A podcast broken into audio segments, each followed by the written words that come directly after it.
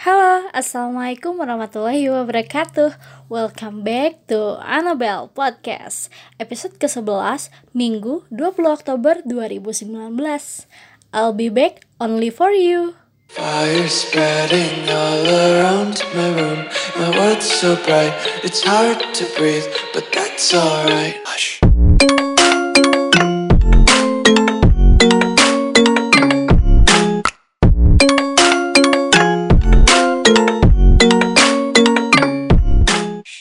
guys, jadi sesuai judul nih malam ini Ana bakal bahas tentang kisah asmara dalam dunia gaming.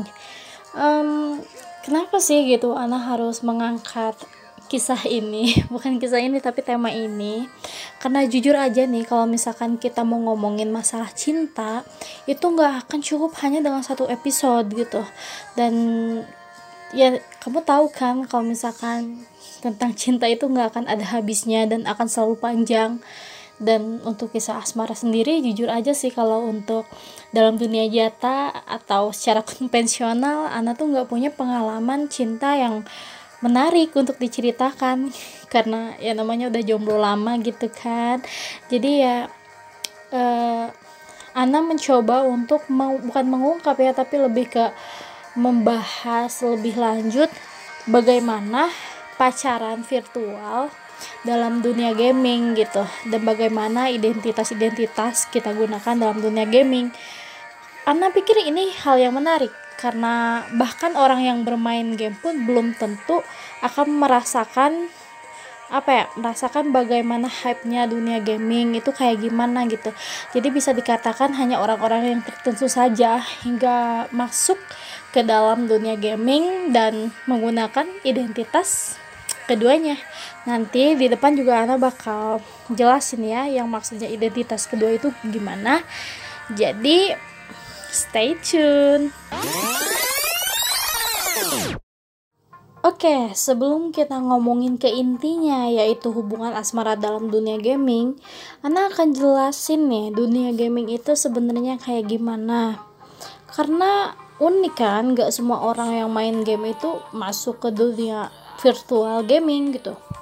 Jadi untuk memudahkan pemahaman, Ana akan jelaskan dengan contoh kasus misalnya nih Ana main PUBG Mobile. Saat Ana main PUBG Mobile Ana akan mencari komunitas-komunitas online di sosial media.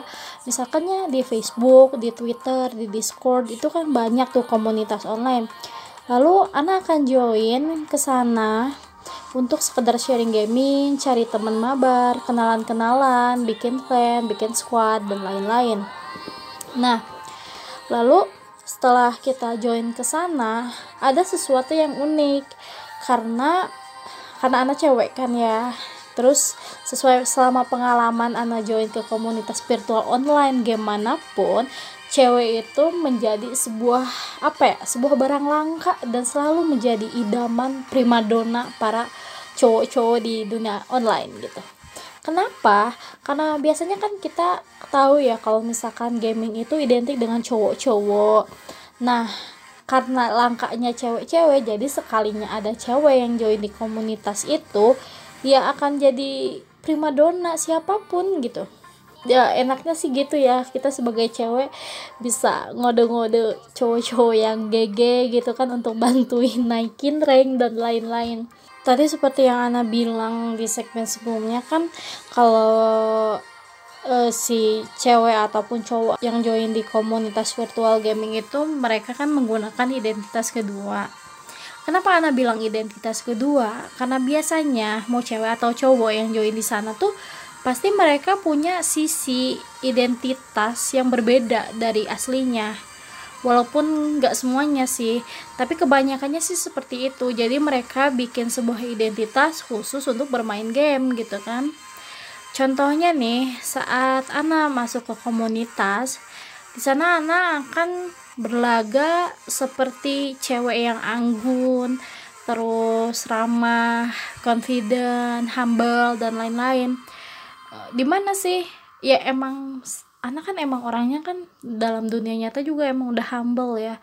Tapi kalau misalkan di komunitas itu ya anak dituntut untuk lebih humble gitu kan.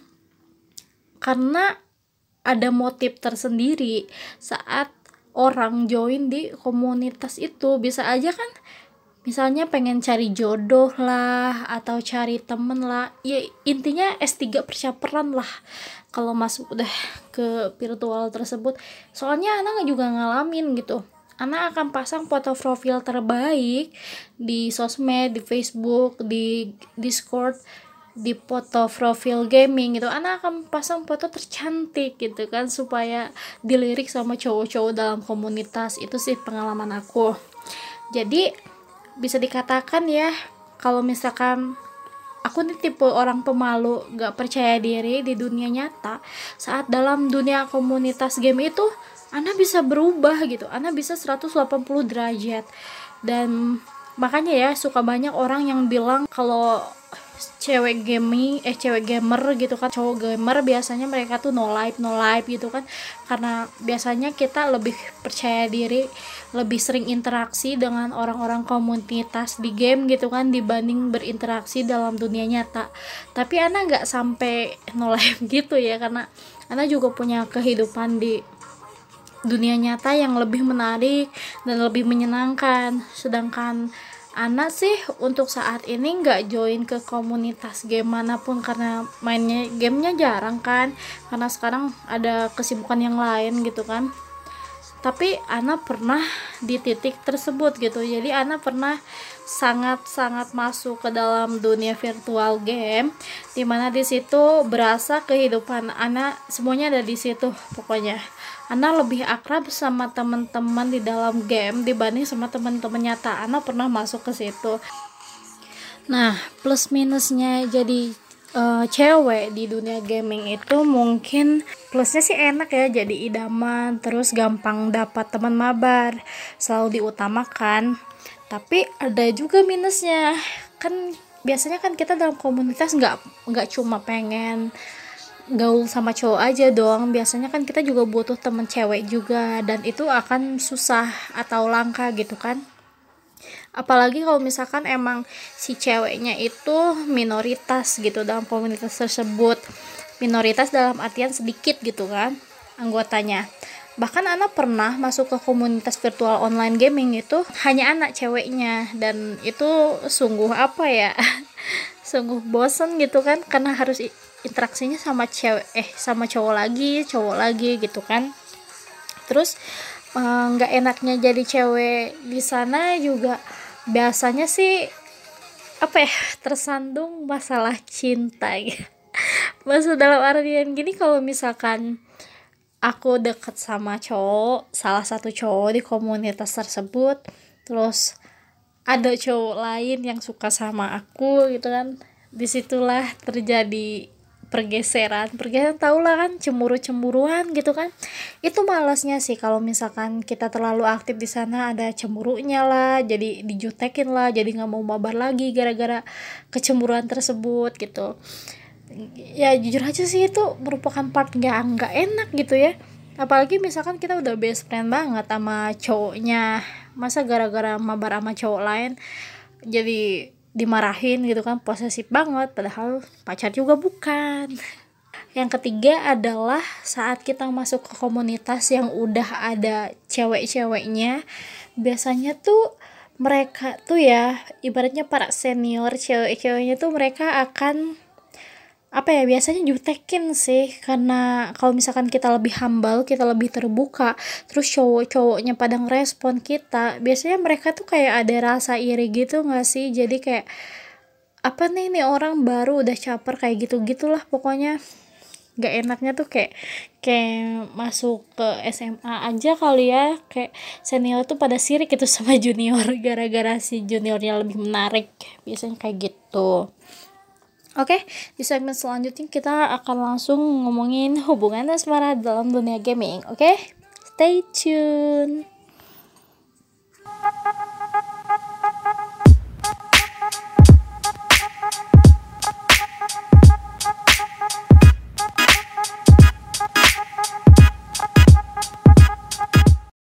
Jadi hubungan asmara dalam dunia gaming itu berbeda dengan hubungan sosmed biasanya. Kalau misalkan kita tahu saat kita pakai aplikasi-aplikasi pencari jodoh lalu kita ketemu enggak enggak kayak gitu. Kalau dalam dunia gaming itu biasanya cintanya itu muncul bukan karena sebuah perkenalan gitu. Tapi biasanya muncul karena seringnya mabar seringnya interaksi di grup seringnya pokoknya sering karena emang sering komunikasi gitu.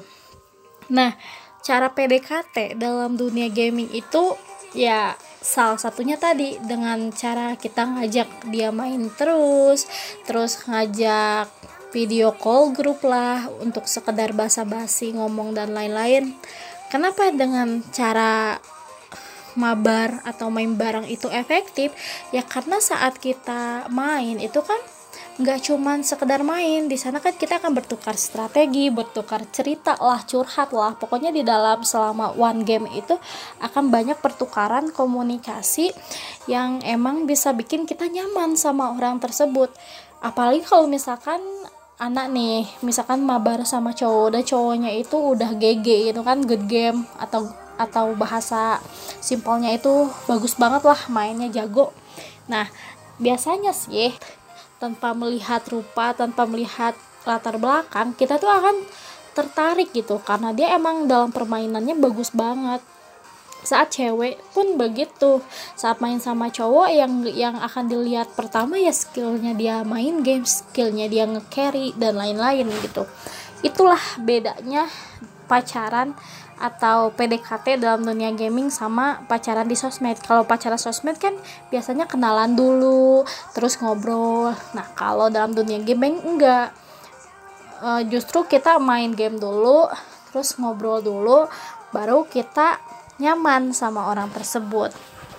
Kalau ngomongin soal pengalaman, tentu saja banyak ya pengalaman masalah tentang percintaan-percintaan dalam dunia gaming banyak banget. Jadi sekitar tahun 2013 eh bukan 2015, 14, 15, 16 pada tahun 2016 Ana join pertama kali pada komunitas online itu Game Get Rich.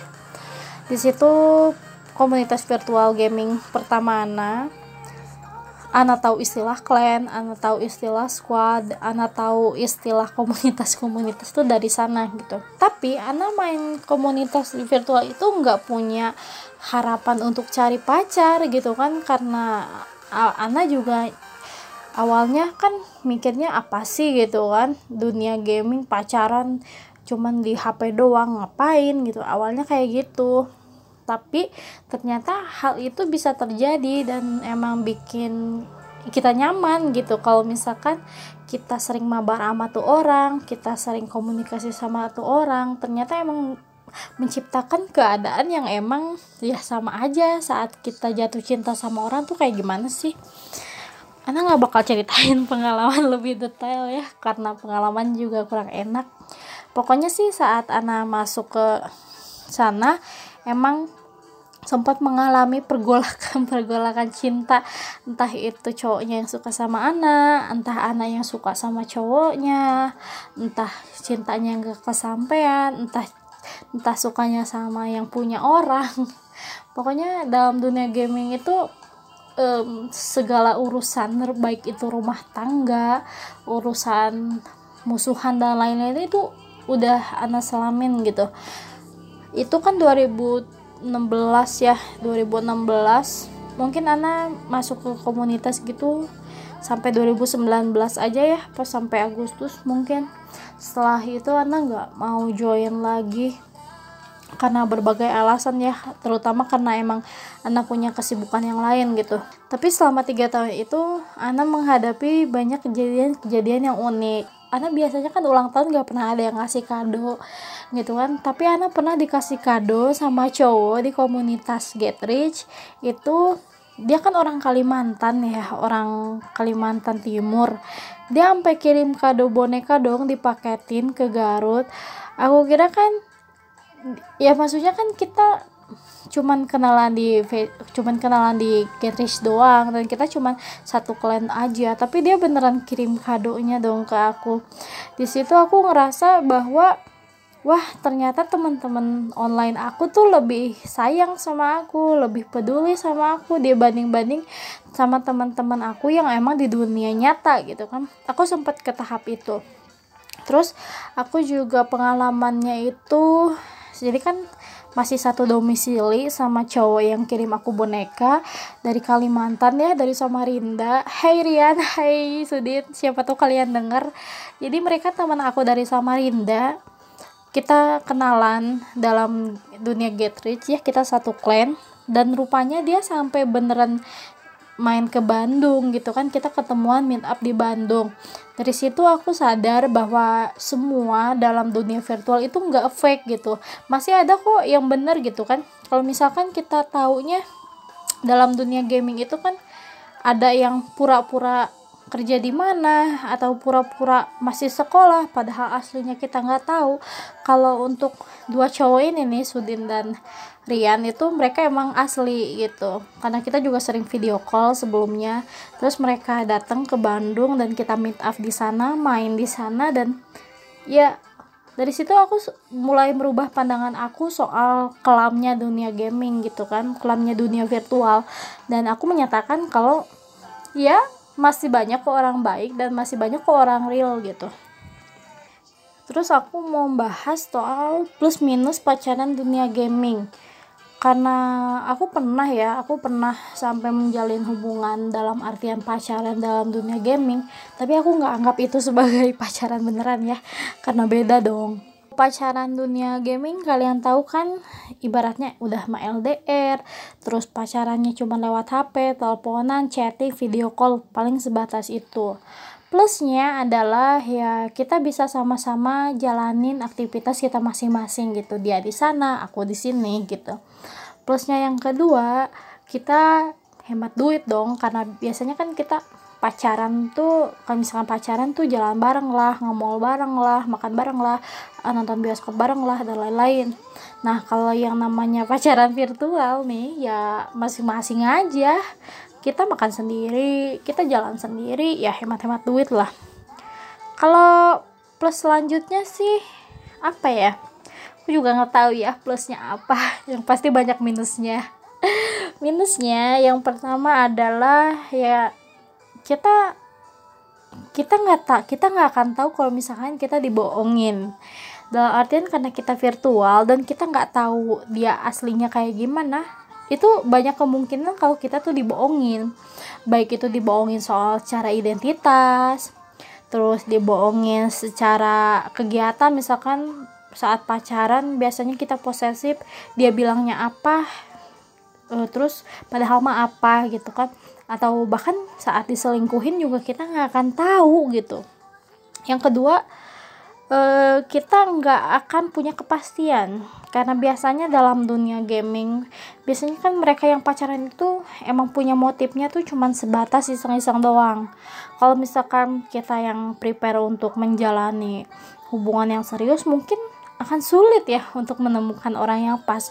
Walaupun 20 sampai 30% hubungan dalam dunia gaming itu berhasil, tapi kan kebanyakannya lebih ke, lebih gagal gitu kan karena kita nggak pernah ketemu sama orangnya, kita cuman hanya interaksi melalui sosial media. Ya, kepastian bentuk apa gitu kan kecuali emang orangnya emang beneran datang ke, uh, ke tempat kita gitu kan Nah, tapi untuk kasus Ana sih orangnya belum pernah datang ke tempat Ana dan Ana belum pernah ketemu sampai sekarang gitu. Nah, yang minus yang ketiga mungkin jadi bikin males ya. Jadi saat itu kan Ana pacaran sama tuh orang itu pada masa-masa skripsian.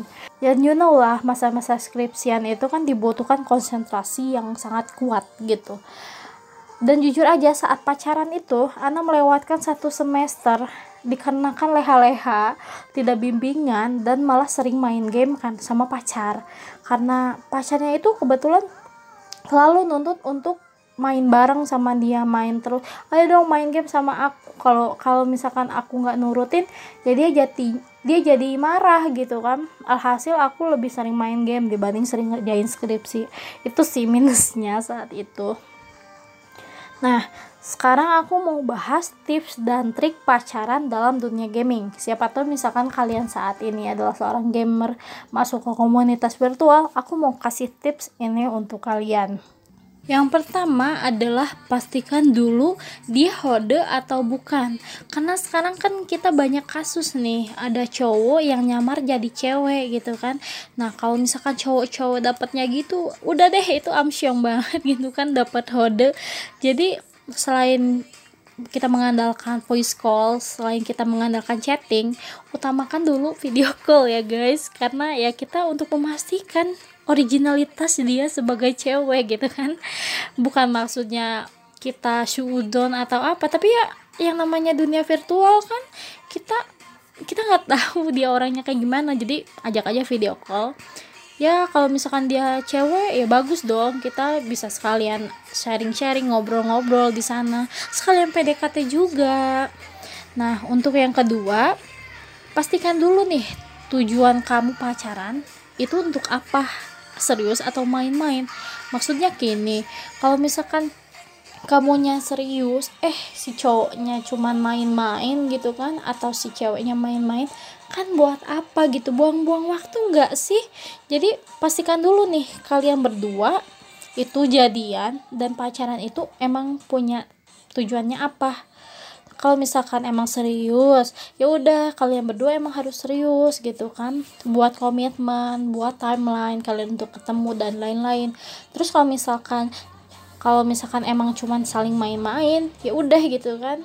Kamu harus batasin perasaan kamu sendiri. Jangan sampai baper dan lain-lain lah pokoknya yang ketiga adalah kenali dia lebih jauh. Jangankan cinta dunia maya deh, yang real aja kadang butuh waktu lama untuk melakukan proses pendekatan sebelum akhirnya memutuskan untuk bersama. Cara terbaik untuk mengenal si dia adalah jalinlah sebuah obrolan random gitu kan. Jadi kalian ngobrol random gitu kan di mana segala macamnya dibahas. Biasanya sih selama proses pengenalan jangan bersikap harus sempurna. Jadi jadilah diri sendiri dan lakukan apa pun yang kamu suka biasanya sih saat kita melakukan apa yang kita suka dan pokoknya kita bersifat eh, bersikap natural biasanya dia pun juga akan bersikap apa adanya. Di sinilah kesempatan kamu untuk melihat sikap dan sifat dia dalam dunia maya itu seperti apa dan selain itu juga kita harus tahu nih latar belakang dia seperti apa pergaulannya seperti apa keluarganya seperti apa. Kalau misalkan dia bekerja bekerja di mana kita harus tahu hal tersebut dan emang harus memastikan gitu. Kan di dunia maya gitu kan di dunia nyata aja yang udah jelas orangnya biasanya masih banyak kasus yang ketipu gitu kan. Jadi perhatikan hal tersebut ya Selanjutnya tips keempat adalah tetap berikan batasan. Terkadang saking asiknya kita ngobrol ya sama seseorang yang kita suka itu, biasanya semua informasi tanpa kita sadari bisa tersampaikan dengan sendirinya. Hal itu tentu saja nggak baik dong. Sedekat apa pun kita dengan dia, masalahnya tuh dia tetap orang lain walaupun hingga akhirnya memulai untuk saling berkomitmen atau pacaran tadi, selama masih dalam hubungan dunia maya, tetap berikan batasan dia untuk mengenal diri kamu. Kita kan nggak pernah tahu nih ke depannya akan seperti apa langgeng atau enggak. Mungkin aja cerita-cerita atau informasi penting yang tentang kita itu uh, dia akan share ke orang-orang. Dia akan kasih tahu ke orang-orang. Jadi tetap kita harus ngeprotek diri kita sendiri dan menjalin hubungan dengan baik-baik aja gitu kan dalam artian ya kalau misalkan informasi itu bersifat pribadi sangat sensitif ya jangan diceritain gitu kan. Sesayang apa pun kamu sama dia. Apalagi kalau masih pacaran di dunia virtual gitu. Dan yang terakhir ya tips yang keempat adalah jangan mudah terbuai dengan janji-janji manis gitu kan dalam hubungan, beribu janji manis merupakan hal yang lumrah. Sosial media merupakan dunia yang tercipta dari imajinasi-imajinasi manis yang belum tentu kita temui di dunia maya. Sehingga janji-janjinya pun belum tentu sungguhan gitu loh, gengs. Kadang si cowok itu atau si cewek itu ngomong janji-janji ya belum tentu dia beneran akan kayak gitu gitu kan. Ya kita tahu lah, cinta emang indah. Terlebih masa-masa kasmaran gitu kan namun uh, jangan terbuai dengan janji dia yang masih sebatas ketikan doang gitu kan. Sebatas omdo gitu kan. Zaman sekarang janji nggak usah dipegang tapi di screenshot gitu kan. Kalau misalkan dia janji apa apa screenshot aja gitu. Kalau dia bisa nepatin janji itu mungkin itu poin plus untuk dia. Eh bukan terakhir deh aku mau kasih lagi satu tips untuk kalian penting banget ini yaitu simpan nomor keluarganya nomor HP atau nomor kontak keluarganya gitu kan jadi kenapa sih gitu kan kita harus simpan nomor keluarganya uh, bukan cuma untuk kenal lebih dekat sama si doi gitu kan mengenal salah satu keluarganya terkadang sangat penting untuk membentuk citra diri baik untuk calon pasangan. Orang di sosial media terkadang tidak akan terbuka sebenarnya kan. Si calon tuh dia nggak akan secara terbuka belak-belakan dia orangnya kayak gimana gitu. Sehingga kita butuh informasi lebih lanjut kalau misalkan kita emang mau ke jenjang serius. Selain itu kita juga bisa menanyakan karakter atau sifat asli ke keluarganya itu. Itu merupakan salah satu bagian dari PDKT Nah, karena beragam karakter orang, bisa aja orang yang dekat dengan kita bukanlah orang yang baik gitu loh.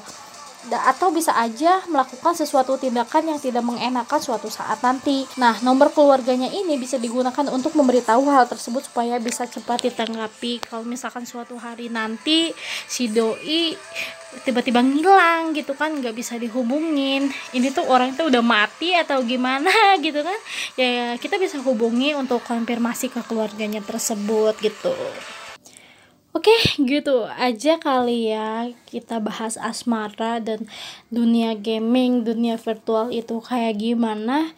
Ya, sebenarnya sih masih panjang, lebih detail lagi, tapi karena alasan karena alasan ini udah malam, masih banyak tugas yang harus dilanjutkan. Mungkin sekian aja. Nanti Ana akan bahas lebih lanjut apabila ada sesuatu yang menarik lagi tentang dunia gaming, entah itu tentang dunia virtual, Ana bakal share lagi di episode selanjutnya. Jadi tetap stay tune di podcast Annabelle, oke? Okay? Dadah semua.